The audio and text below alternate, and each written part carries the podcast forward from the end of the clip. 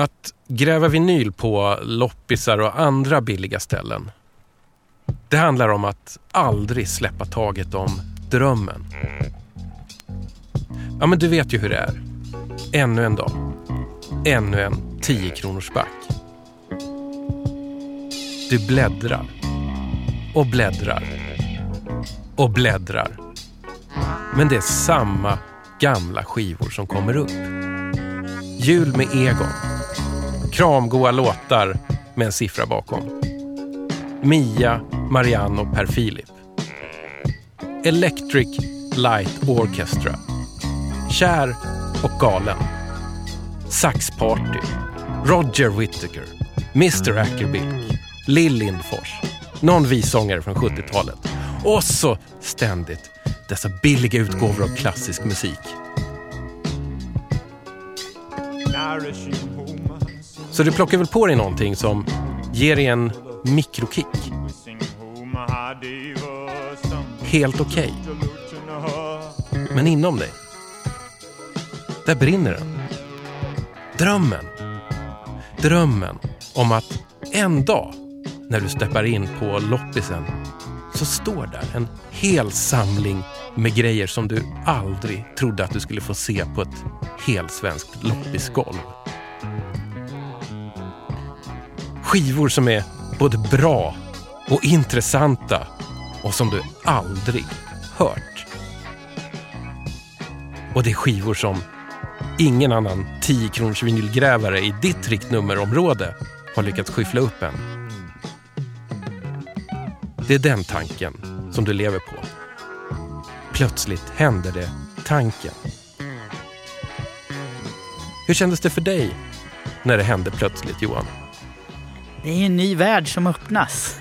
Det, du står där, du har alltid stått där, du har grävt i den där backen, du är dammig om fingrarna och helt plötsligt så står de där 50-60 stycken kantopopskivor från ingenstans. Alla med typ samma prislapp och i mint condition. Och vad är kantopop? Ja, vad är kantopop? Tydligen så är det eh, popmusik från Hongkong på kantonesiska. Men, men alltså, berätta lite så här. Du gick in... Okej, så här. Min sambo kommer hem. Hon frågar, Johan, har du varit nere och kollat liksom på de här eh, asiatiska skivorna som, som, som står på myrorna? Oj, oj, oj. Jag bara, vad då för asiatiska skivor som står på myrorna? Wow. Jag släpper ju allt. För jag har, ju, jag har ju varit nere och samlat liksom japansk citypop, popmusik från slutet av 80-talet från Japan. Men det är liksom ingenting du hittar på Myrorna i nej, Norrköping? Nej, nej, Så jag, du vet, jag släpper ju allt. Och bara, jag springer ner. Myrorna ligger inte så långt från där jag bor liksom. Kommer in, snajdar upp för den här trappen och fram till de här backarna. Och jag ser ju att det har kommit in massa nya grejer. Och jag börjar bläddra och det är ju massa asiatiska ansikten. Eh, mm. Massa väna damer och herrar i hawaiiskjortor liksom och ananas. Och jag bara, vad är det här? Det är inte japanskt. Det här är kinesiskt. Mm. Eh, och jag börjar så här, det ser ju ändå ut som liksom någon typ av pop. Det är mm. liksom mm. lite, man får lite känslan av, du vet såhär Lili och Susi kanske eller något sånt där. Och jag bara, okej, okay, jag sätter mig och kollar vad det här är då. Så jag lyfter ut de här liksom 60 skivorna, lägger dem bredvid mig på någon sån här second hand soffbord. Och så tar jag upp mobilen och så börjar jag liksom leta. Ja. Det första problemet som jag stöter på, det är ju att hälften är ju liksom på kantones. Med kinesiskt alfabet. Det, det, är inte riktigt ditt språk va? Det är inte det. Du fattar att det du målar upp här, det är ju liksom, det är fantasy. Det är en våt fantasy. jag känner det själv när jag beskriver. Ja. Men ja. då väcks ju den där lusten. Exakt. Vi ska prata lite mer om den. Du som lyssnar, du lyssnar på DJ 50 spänn. Det vet du för att du har laddat ner det här. Då vet du också att det är den loppis vinylgrävande musikpodden för dig som har drömmen och för dig som gillar billig och begagnad musik.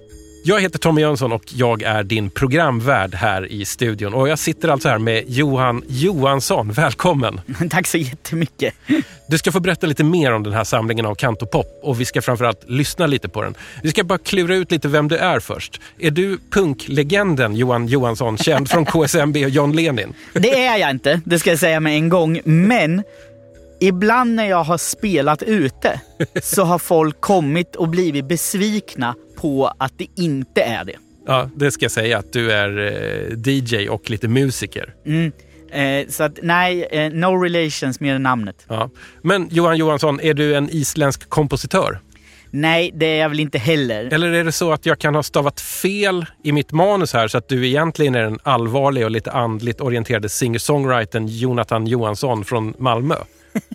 Nej, du är fortfarande fel ute va? Men då måste det vara Johan Johansson från Norrköping, DJ och musiker, även känd ibland som Tomodachi, eller hur? Det stämmer. Bra, för då är det ju extra roligt att du är en sån där artist, eh, kreatör, eh, eh, musikdåre som gör typ vaporwave och släpper den på kassett eller arkadmaskin. Ja, man har inte gjort livet lätt för sig. Vi kommer prata lite mer om dig. Vi kommer prata lite mer om Tomodachi. Vi kommer prata lite mer om Vaporwave och vi kommer prata jättemycket mer om dina fyndade kantonesiska skivor.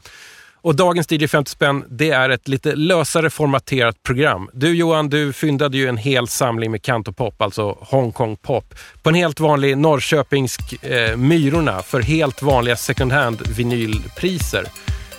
Du har ju tagit med dig fem eh, vax här ur samlingen, så vi kan liksom ändå göra ett slags DJ 50 spänn av det här. Ska vi lägga på första låten? Vi gör det.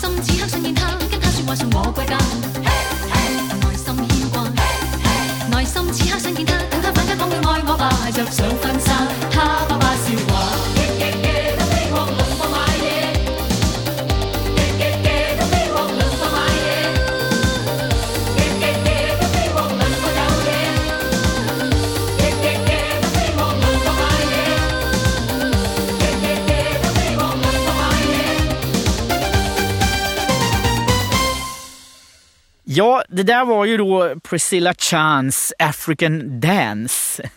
Den första av de här kantopop-skivorna som jag liksom hittade. Ja. Eh, Det var det här som var min liksom inkörsport när jag sitter där på Myrorna en lördag i Norrköping. Och jag bara, herregud! ja.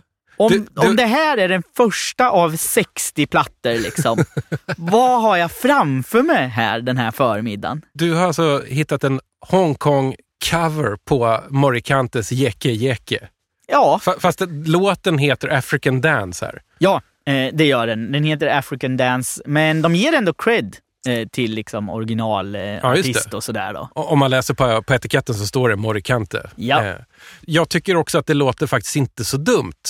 Mina fördomar om, eh, vad ska vi kalla det, kantonesisk pop, Hongkong pop är att de inte riktigt grejar sånt här, men jag tycker nog att de gör ett ganska bra jobb. Ja, men visst gör Eller? de. Jag måste säga att först så blir man ju lite chockad när man hör den.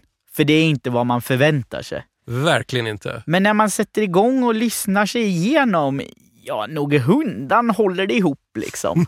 det finns ett stomp där liksom. Ja. Och de har väl ändå, de har gjort sin take. Ja. Men, men skulle du kunna spela den här ute om du eh, har ett DJ-gig någonstans? S- säg i Norrköping. Jag tänker så här, att när tillfället är rätt så kan vilken låt som helst fungera. Och skulle man bygga upp till den här så skulle det ju vara mayhem. Men det går inte bara att droppa den hur som helst. Den kräver sitt sammanhang. Så, så skulle jag väl ändå få uttrycka det då. Mm, mm. Mm. Själva tolvan som du har här, den heter bara Remix. Det är Ja. ett kul namn också bara på en tolva, att det bara heter Remix. Ibland behöver man inte mer. Liksom. Nej, jättesnyggt omslag. Det, det är lite, lite Andy Warhol och lite liksom Blade Runner på samma gång. Eller vad ska vi säga? den, du vet när man står där och bläddrar, och det var ju som du beskrev, liksom, det är att man är så van att se de här samma gamla skivorna. Mm. Och så dyker den här liksom pastellmonstret upp. Hur ska man säga nej? Har du lyckats göra någon slags research om artisten? Vet du någonting om Priscilla Chan? Ja, hon är, ingen, hon är liksom inget litet namn i den här scenen. Okej. Eh, hon är känd, hon har hållit på länge. Eh, hon är en dam som börjar nå en ansenlig ålder nu. Liksom. Va- va- va- Är hon fortfarande aktiv? Ja, alltså de, många av de här är ju någon form av så här allkonstnärer. De är liksom musiker, de är med i tv-program, programleder, de gör lite film. Ah, ja. Hon gjorde bland annat rösten till eh, Naushka. I, mm, det är ju eh, Princess Naushka, eh, den här eh, Miyazaki-filmen. Han som har gjort Ghibli och Spirited Mm, Away och de mm. här. Hon gör den liksom kinesiska eh, voiceovern där. Men du, jag undrar en sak om hela den här samlingen, eller eh, liksom jättebibban med skivor som du hittade där. Vet du någonting om varifrån de här skivorna kommer? Fi- Finns det någon liksom anteckning om tidigare ägare eller någonting någonstans? Det där, det där var ju en sån här grej som slog mig när jag skulle gå och checka ut de här skivorna. Så jag frågade hon som jobbade där, liksom, var, var får ni det här ifrån? Mm. Och hon bara, nej men det kommer från ett centrallager. Jaha. De kommer med en lastbil, de lastar ut och vi ställer in. Så, så det kanske inte alls är från samma stad ens? Däremot så tror jag faktiskt det. För att det är samma typer av prislappar, det är samma skick Ja. och det är typ samma plastfickor och sådär. Så det känns som att det de har fått är liksom en samling ja, i alla fall. Ja. Eh, så, så jag tror att det är så att det är någon som har lämnat in sin kantopopsamling. Och den som gjorde det måste haft koll på de här artisterna Mm. för att många skivor har liksom inte, du vet, vårat alfabet. Nej, just det. Så det måste ha varit någon som var ganska insatt i det. Och det där är ju superspännande, vem det är. Du, ehm, det står ju någonting där som ser ut att vara pojkband kanske. Ja, det är ju dags då för en utav, liksom, om inte de, pojkband inom kantopoppen. Är det så? Beyond. Eh, tydligen. Mm, Vi säger inte mer nu utan vi kör den och så pratar vi om det sen.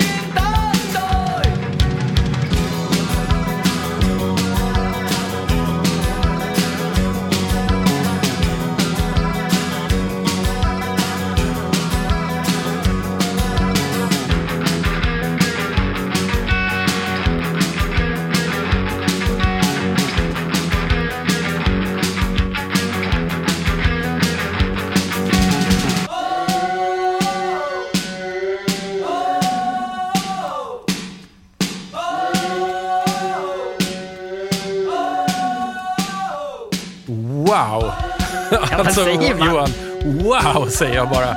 Jag var inte beredd på det här. Jag var inte beredd på det här när du hållade fram någonting som såg ut som liksom ett Hongkong-pojkband. Jag trodde att det skulle vara eh, du vet, en, en, en gullig tuggummi-pop-låt om en hundvalp. Du ska aldrig underskatta kantopoppens uttrycksformer. Liksom. Ja. Alltså, grejen är så här att vi vet inte riktigt vad låten heter. Alltså, läser vi på etiketten så, så har vi kinesiska tecken som inte vi riktigt kan uttyda. Vi har lyckats eh, klura ut vad själva skivan heter. Är det ett album det här? Eller Ja, jag tror att det är en EP. det är en EP. Beyond heter gruppen och albumet heter översatt då till engelska, vad sa du? Eh, Wait Forever. ja, det är väl något sånt där, va? eller hur? Wait forever. Ish. Det är vår chansning. Men alltså det här var ju ganska stökigt och lite punkigt och tycker jag. Alltså rått. Om än i en kontrollerad studiomiljö. Man måste ju komma ihåg här då att Beyond, de startar liksom som ett så här underground-gäng. Ja. De, de, de liksom hasslar på och de vill lyckas och slå igenom. Men de kommer liksom från du vet, amatörkulturen. På Ja, vis. ja. De är inte ett slipat gäng i början och det är inte så att deras liksom, första spelningar packar hur mycket folk som helst. Mm. Utan de jobbar sig fram och de har ju den här liksom, bakgrunden i någon typ av rockpunk Mm. liksom, grej. Och sen så bara efter att ha kämpat på lyckas de liksom slå igenom och bli liksom det största eh, och det, pojkbandet. Det största kantonesiska pojkbandet. Det här är från Polydor, Hongkong. Jätteskivbolaget Polydor hade ju såklart ett nationellt bolag i, i liksom lilla Hongkong som på den här tiden var en brittisk kronkoloni. Den här skivan är utgiven 1986 och jag måste bara Alltså, jag måste bara berätta om omslaget. Går ni in på sajten dj50span.se så kan ni se en bild på skivan. Men de har alltså någon slags oversized normcore eh, mode på sig. De har liksom jättestora shorts, jättestora stickade tröjor. Eh, jag tycker att de ser hur grym ut som helst. Jo men alltså det finns ju någon sån här känsla av att de dels vill se jäkligt farliga ut. Mm. Samtidigt så är de ju jäkligt söta va? Ett Mm. gäng grabbar i stickad tröja. Jo, jo men, men alltså, tänk på vad vi just hörde. Alltså, jag tror inte att jag hade velat möta de här i en mörk gränd ändå. Nej, du ser ju baksidan dessutom. Ja. Den säger ju någonting liksom. Men du, vad, vad vet du om det här bandet då? Har du lyckats forska fram någonting om Beyond? Ja, Beyond finns det faktiskt ganska mycket om på nätet. Jaha, De här var liksom ja. ingen parentes i kantomusikens historia. Ehm, som sagt var, ett band som jobbar sig upp Mm, till mm. stardom. Eh, de blir älskade för den musik de gör, även att den är så här ganska kompromisslös. Liksom. Mm, mm. Eh, de gör en hyllningslåt till Nelson Mandela, bland annat. Ja, men varför inte? Det var den tiden. Man gjorde hyllningslåtar till Nelson Mandela. Ja, och, och det där blir liksom någon sån där hymn som, som blir ett soundtrack inom liksom Hongkong och inom kantopoppen. Och de liksom pikar där i slutet av 80 någonstans där liksom. Och de säljer ju slut. Alltså det är arenaspelningar på arenaspelningar. Mm. Och det får ju ett jättetragiskt slut det här i, slut, eller i början av 90-talet. När eh, leadsångaren i Beyond dör i en japansk gameshow. Va? Han faller eh, från någon typ av podie och eh, bryter nacken. Jävlar vilket sätt att gå bort på alltså. Det, det är en sorglig historia, det är ett sorgligt slut, men det är också en fantastisk historia, det här bandet och deras utveckling. Och som jag sa, det var verkligen när jag hittade de här skivorna var det som att öppna dörren till en ny värld. Ja, verkligen. Jag undrar lite, vilka var liksom Beyonds publik? Det här är också spännande, för det verkar som att kantopoppen är liksom ett soundtrack till en ganska hungrig och spännande generation Mhm. i, i Hongkong och även i Japan och även liksom i vissa delar av mainline China och Taiwan och sådär. Just det, vi kan ju faktiskt säga det att, att kantopop, det heter kantopop för att det är från den liksom kantonesiska regionen i Kina. Men ja. den slog i större delar av Asien än så, eller hur? Absolut, absolut. Så de här åkte ju på turnéer. Och, men det, det var alltid Hongkong som verkar vara basen på mm, något vis. Mm. Publiken är ju ung. Den är ju liksom, eh, det är den där outgoing. Men jag tror att Beyond nådde liksom någon form av sådär legendstatus. Så både mamma och liksom son och dotter och mormor. Alltså det här var något som alla kunde ha en relation till på något vis. Mm. De har också mer lättkonsumerade låtar än den vi nyss ja. lyssnade på. Eh, den här sticker ju ut lite, men ja. Mm. Jag läste på etiketten också, det här var också tydligen the 12 inch edit. Så, så vi fick den långa versionen här. Det var ändå värt. Den hade många olika partier som man fick gå, gå igenom. Ja, man har ju inte tråkigt när man lyssnar på den nej, i alla fall. Nej, det händer mycket. Det, ja, det här var spännande faktiskt. Men Johan, nu känner jag att jag måste faktiskt svänga tillbaka lite mer till dig och inte bara om dina skivor. Um, Tomodachi, alltså din artistpersona.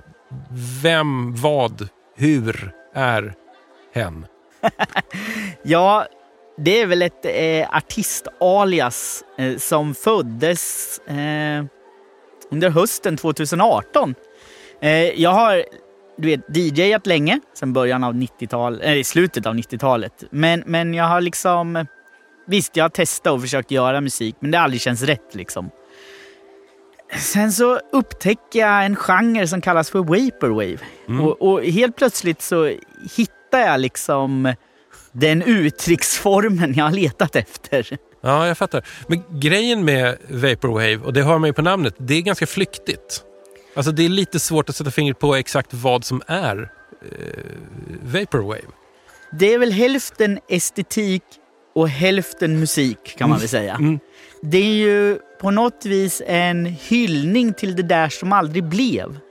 Okay. Eh, vi blickar mot kanske slutet av 80-talet, början av 90-talet. När du vet högkonjunkturen den ligger liksom där och det bara pikar och det verkar inte finnas någon ände. Mm. Men någonstans där i hjärtat så vet vi att det är någonting på väg. Liksom. Mm. Det är musik sprungen ur den känslan. Mm. Om det gör det tydligare. ja, jag, jag, vet inte, men det, det, är en bra bild. Men, men, men, det är väl ändå oftast rätt så elektroniskt. Och det finns, liksom en, en, tycker jag i alla fall, i det jag har hört, någon liten ödslighet i det här. Ska jag försöka vara, eh, vara liksom lite tydligare så kan man säga att för min del så har jag hämtat mycket inspiration och också samplat mycket utav just japansk popmusik från slutet mm. av 80-talet. Det som kallas för citypop. Mm. Eh, ofta så saktar man ju ner de här låtarna. Mm. Och det kan ju skapa den här lite suggestiva, liksom lite hemliga känslan. Men hur ska det se ut då? Alltså estetiken runt det här. Jag ser framför mig någon form av liksom lite så här jag kan inte beskriva det på något annat sätt liksom digital pastell. Alltså, Ish. det går ju, alltså, tittar man på Vaporwave-estetik så mm. VHS-kassetter, gamla kassettband, mm. reklam eh, från liksom tidigt 90-tal, övergivna köpcenter eh, ah. och en och annan gammal staty kan också dyka upp. Mm. en salig blandning. Va? Bilden börjar liksom få lite detaljer här i alla fall. Det där med övergivna köpcentrum är ju roligt för det är ju en, det är liksom en grej. Jag antar att du också har, har liksom någon gång halkat in på något så här ljudklipp av liksom Totos Africa som ekar ut över en övergiven shoppingmall. Vet att det finns Och det faktiskt... låter, alltså det blir liksom poesi. Ja, det finns ju en subgenre inom Vaporwave som kallas för Målsoft. Musik liksom baserad på det som spelades i köpcenter. Mm. Och nu ska du få lite insights här om, om eh, B-sidan på min kassett. Eh, det är ett 25 minuter långt spår. För varför inte? Varför inte? Där valde jag att sampla en syntslinga som skulle ha spelats i Muji-varuhusen i Japan. Det är som deras Ikea kan man säga. Mm, mm på 80-talet. Men det blev aldrig av det här projektet. En jätteduktig kompositör. Han gjorde den här kassetten, han liksom lämnade den på Muji, alla var nöjda och glada, men det hände aldrig. Så den där kassetten föll i glömska liksom. Och det där är väl liksom, eh, det är väl väldigt typisk Vaporwave-inspiration. Musik för ett köpcenter på kassett som aldrig spelades. Ja. Men du, alltså, du, du har en nysläppt kassett. Plugga den lite snabbt här. Vad heter den? Eh, den heter Plastic Beats. Och 11 spår om jag räknar rätt. En A och B-sida, för det är ju en kassett det är viktigt. va? Mm. Jag läste i Norrköpings Tidning att själva singeln släpptes som arkadmaskin. Ja, Please elaborate. varför inte liksom? Var... Nej, men rent konkret. Ja, eh, jag fick idén för att jag hade gjort en musikvideo. Mhm. Eh, den här musikvideon lånar valda delar ifrån en gammal anime-serie. Som eh, utspelar sig någon gång på 80-talet. Och så tittade jag på den här och så tänkte jag, det här skulle ju passa perfekt på en arkad. Och då visade det sig att min sambo har ett gäng polare i Linköping som gör arkadmaskiner. Så vi har, jag har liksom stött på dem förut och vi har gjort lite grejer ihop och jag tänkte, ja men jag hör av mig. Och tänkte så här, vad säger ni om att vi liksom stoppar in den här musikvideon i en utav era arkadmaskiner? Och du vet hur nördar är, de kan ju inte säga nej liksom. Nej, du vet hur man ska spela på dem också tror jag. Ja, så, så, så eh, sagt och gjort. En kille i Jönköping eh, fixade och styrde med mjukvaran skicka upp det till eh, Linköping där de bygger själva kabinetten. Och sen så åkte jag och hämtade den eh, och kom hem och bara kopplar in och helt plötsligt så liksom trycker man på play och där är min musikvideo på en arkadmaskin. Wow, Det är oerhört jag konceptuellt. gillar det. Men du, om man nu blir nyfiken och vill höra din musik, går den att konsumera digitalt? Ja, man behöver inte köpa arkadmaskinen. eh, den finns ju på Bandcamp Ja. eh, och, och där kan man både lyssna på den digitalt och man kan också köpa kassetten. Eh, det kanske finns något ex eller två kvar. Mm. Hur, hur stor upplaga tryckte du upp? Jag pressade 100. Ja. Vi hade ju releasefesten i Japan, i, i Tokyo. Och där försvann ett gäng kassetter. Sen måste ju mamma ha en kassett liksom. Ja. Eh, så att, eh, men det finns ändå några kvar liksom. Garanterad framtida raritet. Absolut, absolut. börjar kännas som att det är dags att slänga på en till skiva. Mm, det är dags för lite mer känslor. Ah, fint. Det är balladdags. Det är bra att du säger det för att min, min lilla förutfattade mening om, om musik från Hongkong är att det ska vara väldigt smäktande. Vi får väl se om, om det infrias här på tredje skivan.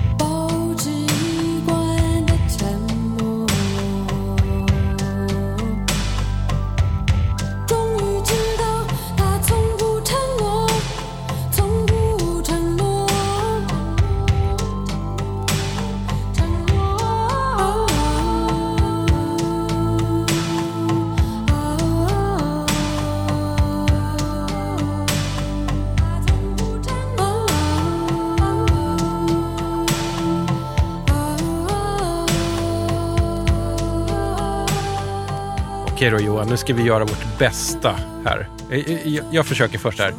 Vi hör alltså Chi Yu. Kan det vara rätt? Ja, vi gör så gott vi kan med uttalet Vi, ändå. Va? ingen av oss är eh, kantonesisktalande, ingen av oss är mandarintalande. Vi, ja, uttalen här eh, kommer skrattas ut kanske av vissa av dem. Men Chiyu heter sångerskan. Vad den här låten heter, eh, det är nästan så jag vill säga kolla in min webbsajt sen när programmet är ute.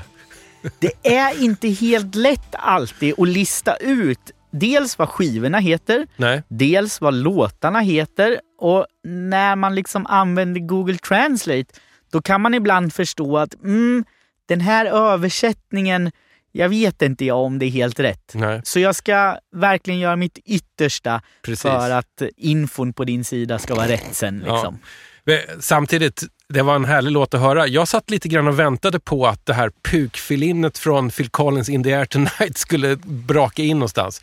De var nästan och nosade där någonstans. Det finns ju någonting väldigt suggestivt, något ödsligt och jag vet inte, jag sa till dig att det nästan är någon sån här lite nordisk kyla i den här Mm. låten.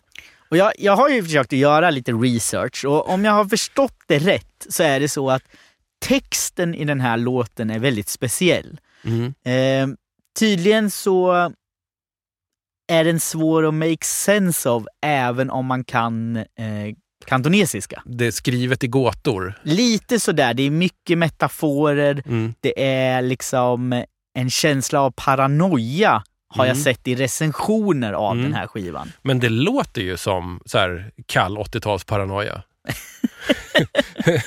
Den där kalla 80-talsparanoian Nej men exakt. som, som är så närvarande.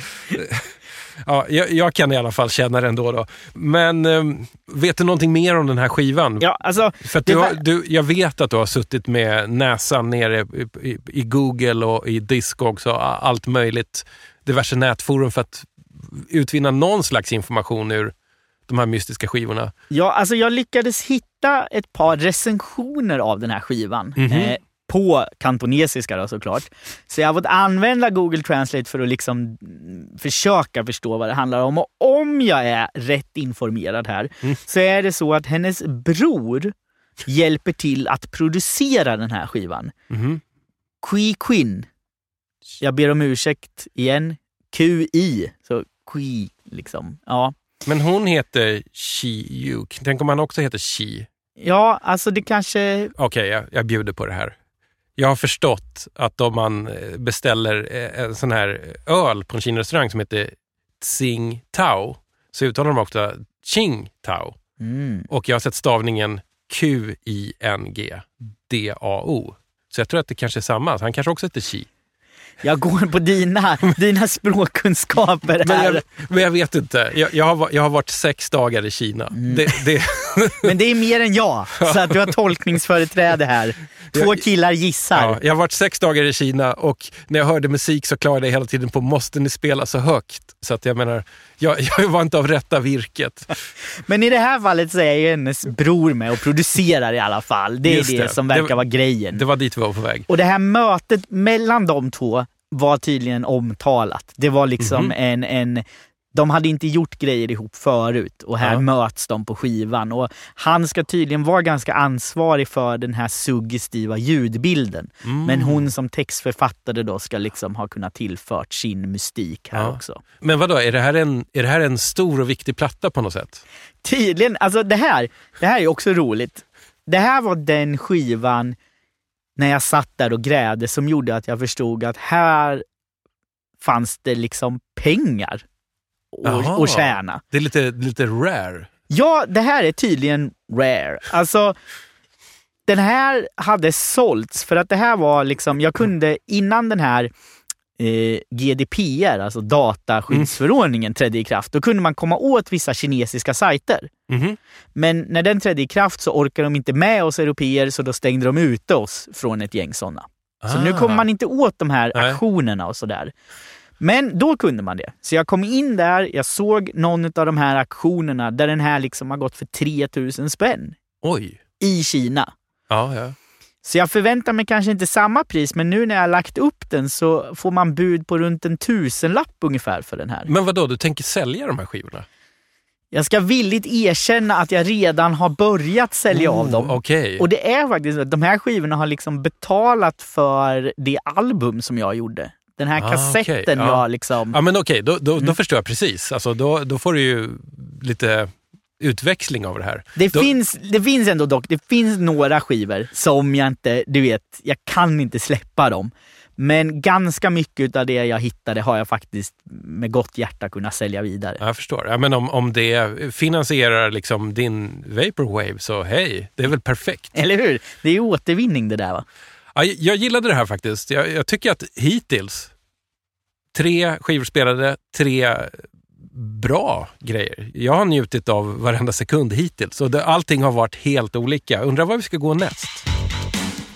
Ja, nu, nu tar vi oss till någon typ av liksom Madonna-pastisch här kanske. Vi får se vart vi hamnar.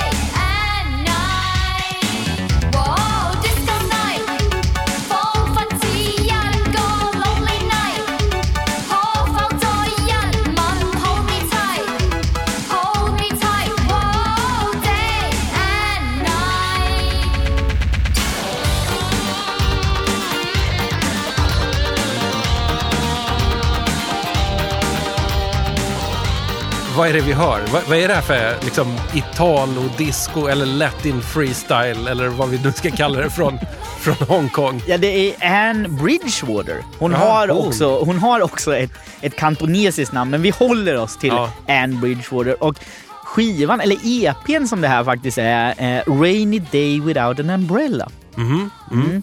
Och ja, vad ska man säga? Det är ju dansant det här va? Ja, men jag, jag tyckte det lät riktigt så här snärtigt. Och, och, gillar man liksom det här eh, högenergiska 80-tals soundet alla eh, lite i stil med Madonnas Into the Groove eller valfri eh, Jelly Bean Benites-produktion så har man ju någonting här.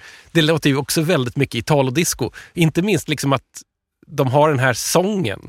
Ja, det finns ju lite, lite sån engelska eh, fraser som det slängs med. Hold me här. tight, Ja, disco night. det här måste man nog kanske förstå också i sitt sammanhang för att vi är i Kina, vi är i slutet av 80-talet. Här har vi en tjej som liksom sjunger om att gå ut. Det är Mm. nattklubb, hold me tight. Alltså, det här är ju musik för en generation som rebellar lite. Ja, ja, ja. Det Mm. är liksom musik om att vara ute för sent, att kanske inte bara gifta sig med sin partner och liksom Ja. skaffa familj utan kanske ha några lösa förbindelser där. Mm. Liksom. Leva life. Så det här är liksom ett soundtrack till någonting spännande, något som kittlar lite. Det här var ju grymt att höra. Eh, gitarrsolot, det hade man ju kunnat skippa. Å andra sidan, alltså vi ska inte lasta liksom, Hongkongs musikindustri för det, för att det var fan mig inte bättre i Sverige på den här tiden. Det skulle liksom skohornas in gitarrsolon i varenda låt ett tag kändes som. Ja, men var det inte som med så här saxofonsolon i New York? Alltså Ja. att det, det var liksom som en riktlinje som gick ut till producenter att in med det här också. Ja. Ve- Vet du någonting om Anne Bridgewater? Anne Bridgewater, det här är lite lurigt. Alltså, hon är en stor filmstjärna. Jaha.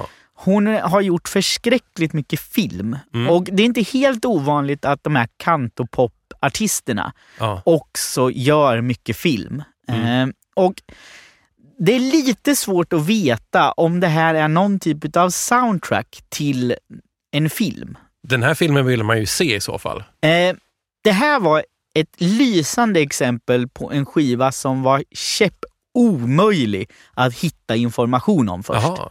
Så jag fick ta hjälp. Vi har ju ehm, vänner, eh, min sambo har mycket vänner i Japan Mm. och en av dem kommer från Taiwan så hon kan liksom Mm. kantones. Så jag skickade ett gäng bilder på skivor och sa hjälp, vad är det här? Och hon bara, vad sysslar du med? Vad är det du liksom har hittat? Och jag bara, jag måste veta vad det här är. Så hon hjälpte mig och om man tittar på framsidan på den här så kan man se att tecknena är ganska svår, svåra att tyda. De är liksom skrivna i ett ganska flashigt liksom, typsnitt dessutom. Men hon hjälpte mig att liksom identifiera, men det är den här artisten. Jag har svårt att hitta själva skivan. Men hon kunde hitta den här skivan på liksom bakom eh, den kinesiska muren. Så att Ja, säga. just det. Den digitala järnridån. Precis, så vi lyckades hitta några så här halvsuddiga bilder när någon liksom har tagit ett kort på den här skivan i sitt rum och haft någon aktion. Och liksom. Mhm. Så att mycket polisarbete för att hitta vad det här var för någonting. Ja. Det, jag lyckades här under låtens gång i alla fall eh, googla upp att eh, Anne Bridgewater började som konståkare. Blev erbjuden eh, en, en, plats på, eh, och ett stipendium tror jag på något amerikanskt universitet. Men hon sa nej till det för hon fick också ett eh, filmkontrakt då på någon av de här stora filmstudiosarna i Hongkong. Du ser, de här historierna, alltså det här har ju varit hela nöjet med den här exercisen. Liksom. Mm. De här ödena och de här människorna som man upptäcker. Konståkerska som får filmstipendium. Ja, Och sen gör den här i Ja. talloprylen.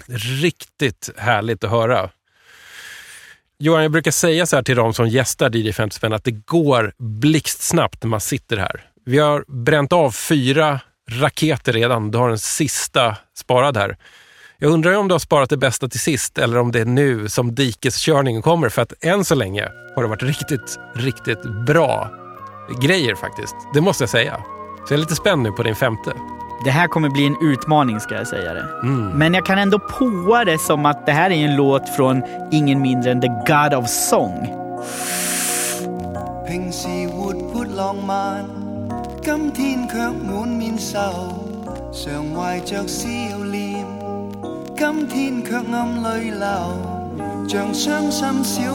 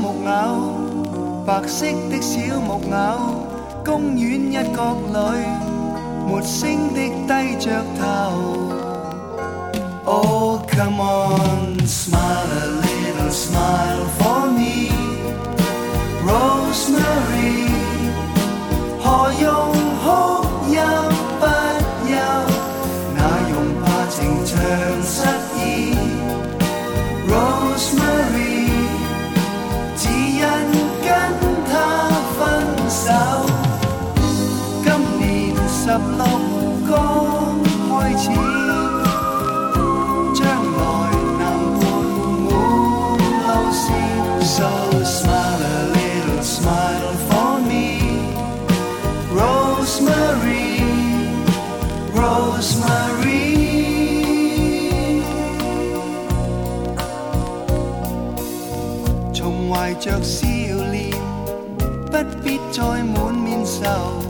從前事再莫念，他不會再回頭。莫因他消瘦，做他的小玩偶，他心早已變，何必因他淚流？Oh,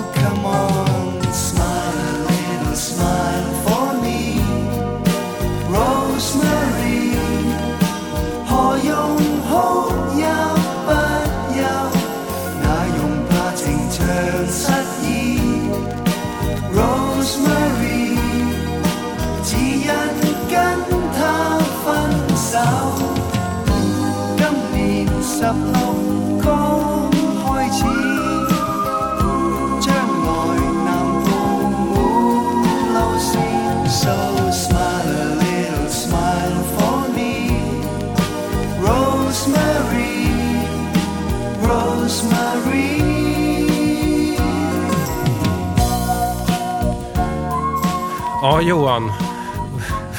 Vem är det här? The God of Song, Sam Hui. Sam Hui. Jag, jag är hemskt ledsen. Jag har aldrig hört talas om mannen, men omslaget du håller i din hand just nu, Ja, det är alltså, fantastiskt. han står med en klase bananer och på baksidan så är det en bild på en sparris. Mm. Vad mer behöver man? Ja. Alltså, han har ju en väldigt eh, glad eh, skjorta i glada färger. Alltså det här, och, och Sam Hui ser ut som att det är liksom loggan på en burk med ananas i sockerlag. Precis. Det är, Det är helt fantastiskt. Jag blir så glad av att se det här skivomslaget. det är sommar och sol va? Berätta lite om, om eh, sångens gud här. Ty, tycker du att det stämmer när du hör det här? Alltså, jag är väl inte den som ska säga emot typ någon miljon kantopop-fans. Mm. eh, Liksom. Men det här är kanske inte min bag. Nej, Så nej, kan man väl säga. Mm. Det var ju ändå full sprut på liksom smöret här, får man ju säga. Det var ju lite så här jag tänkte mig att Cantopop ska låta. Och det ska man säga att bland de här 60-ish skivorna som jag hittade den där dagen i Norrköping Mm. så kan man väl säga att ungefär 70 procent låter ungefär så här. Jag förstår. Eh, Så det är ingen, liksom, det finns viss eh, liksom, data att backa upp dina fördomar med här. Ja, just det. Men det, det, då känns det också lite bra att vi slutade med att spela... Vi spelade sanningen här, att väldigt mycket låter åt det här hållet. Ja, och eh, Rosmarie, alltså som den här låten heter, eh, det, hon, får sig en fin liten bit av The God of Song. Ja, ändå, va? verkligen. Vad vet vi om Sam Hui då? Det finns faktiskt ganska mycket om honom också. Okej, det här är en av de stora stjärnorna. Alltså. Precis, the, this is the guy, lite grann. och då kan man säga så här att han är still going strong, 70 bast. Ja, Och han eh, fortsätter att sälja ut liksom, sina konserter, framförallt i Hongkong. Eh, och det får man ju ge honom. va? ja. Alltså, eh, han hade en paus i, i början av 90-talet. Han eh, drabbades av sån här eh, höj, höghöjdssjuka när han spelade in någon sån här actionfilm i Tibet, som man gör. Om- Jag, Han- jag tänker inte ifrågasätta det. Det är helt självklart att Sam Hui har gjort en liksom, actionrulle i Tibet. Och skoja inte om hans filmkarriär alltså. För den här mannen, vi snackar liksom 200-ish filmer eh, som han har på sitt samvete. Och det här är ju liksom, eh, vad ska man säga, han var också typ den första kantopopartisten att spela eh, på Tokyo Music Festival. Mhm. Så han krossar verkligen över till andra länder och Ja, ja. andra marknader. Och när man kollar så här på videos, det finns på Youtube när han spelar live i arenor. Alltså, det är en ganska mäktig grej. Mm, Eh, Men nej, det är inte min bag Nej. fortfarande. jag förstår. Men du, vet du vad? Du nämnde lite citypop tidigare. Det, det är en musikgenre som du gillar ganska mycket. Det, det, är ett, det är lite svårt att beskriva vad citypop är, men jag tänkte vi kan prata lite om det. För det har, begreppet har faktiskt börjat användas lite grann i Sverige på sistone, har jag noterat. Eh, Citypop, på det sättet som jag tänker kring det i alla fall, är ju japansk 80-talsmusik. Mm. Gjord i slutet av 80-talet. Mhm. Det påminner ganska mycket om boogie, den amerikanska boogien som fanns i slutet av 80-talet. Och Det är ganska slick. Eh, for your average Joe kanske det är bra att tänka på Luther Vandross eller Ja, något sånt där. Never too much. Mm. Typisk sån liksom. Ganska slick soul-aktig Ja, grej. det låter snyggt. Det låter snyggt ja. Och det här gjorde japanerna med bravur. Mm. Det finns en outtömlig nästan skatt av citypopmusik. Eh, och det här, ska man säga, det har liksom... Det har aldrig slutat varit stort i Japan. Men det är lite som en del av musikvärlden som kanske vi här i Sverige inte har dykt så djupt i alla nej, gånger. Nej. Det är ofta ganska slick, välproducerat. ehm, men det finns den där liksom klubbkänslan i det. Mm. Det är musik för sena nätter, för att vara ute och hångla. Ja. Alltså, det, det här är liksom en tid då Japan går på högvarv. Ehm, det finns ingen ände på det här tåget som bara plöjer igenom moderniteten. Mm. Du vet, hifi, teknik, det är walkmans, det Mhm. är du vet, eh, yuppies. Ja, ja. Och det här är precis innan kraschen i Japan. Och vi hade ju 90-talskris ja, här, men japanerna hade the lost decade som de kallar det. Ah, Deras 90-talskris var liksom 2.0 ja. och det här är innan det. Men du, det här som du pratade om tidigare när du skulle beskriva känslan av Vaporwave. Ett 80 och 90-tal som kanske aldrig riktigt blev. En, en, liksom en högkonjunktur som är på väg att ta slut. Är det det här som man liksom lite grann leker med i tanken då? Absolut, citypoppen är ju precis som hiphoppen har liksom dragit inspiration från soulen, från funken och jazzen. Mm. Så kan man väl säga att vaporwaven drar sin inspiration från bland annat då japansk citypop. Det är en stort, eller liksom ett stort sånt bibliotek av inspiration. Men underskatta inte heller Kenny G. Som för liksom också står för någon typ av kanon för vaporwave-människor. Alltså den här riktigt, riktigt lena insmickrande saxofonen. Hissmusik. Ja, precis. M- musakofonen. Absolut, och Musak och hela den grejen eh, är också en viktig del i liksom Vaporwavens grundstomme på något Mm. vis. Mm. Kenny G va? Ja.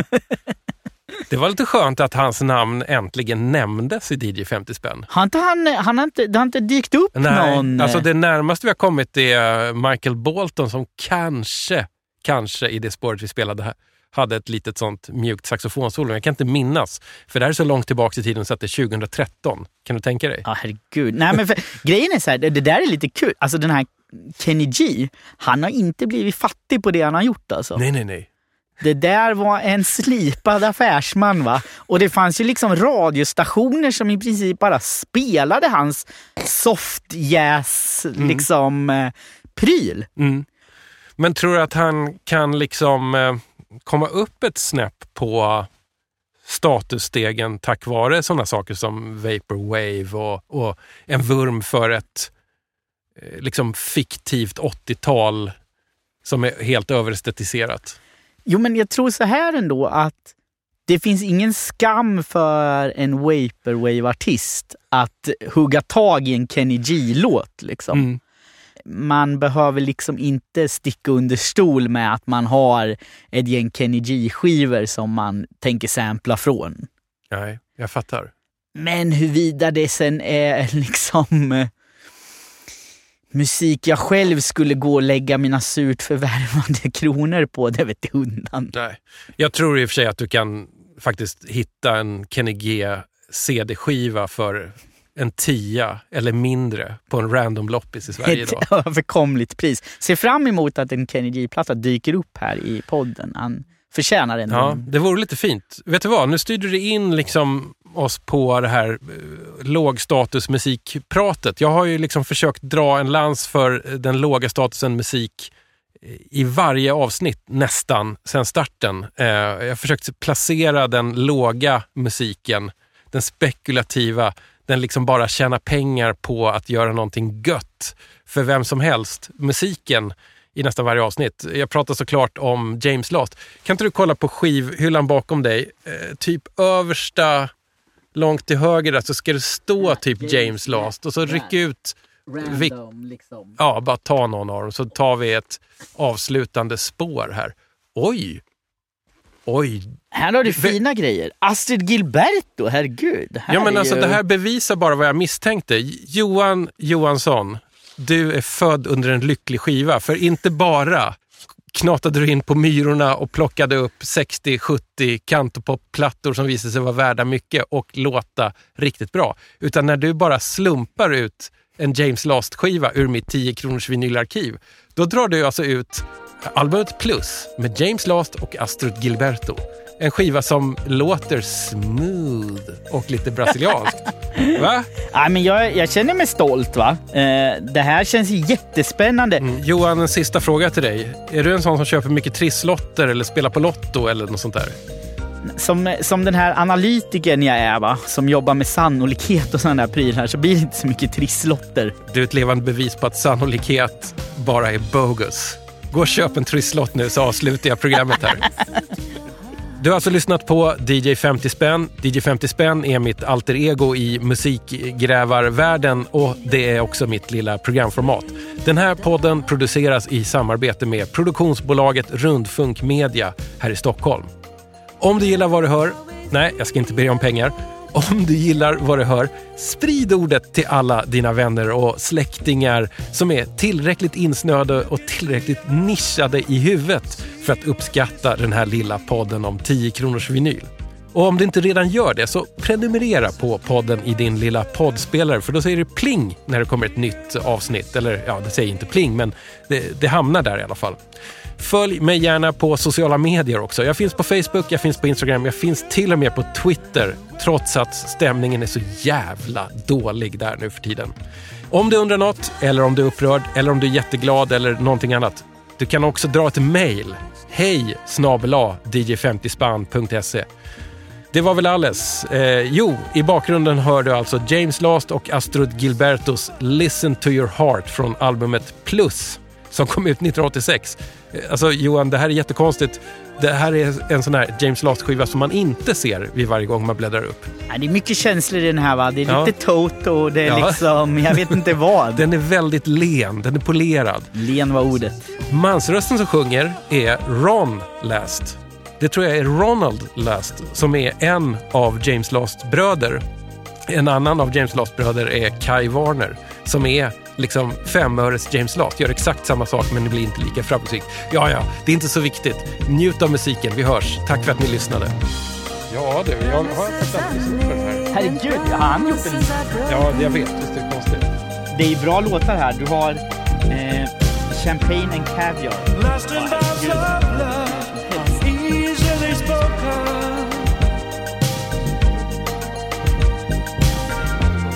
Just listen to your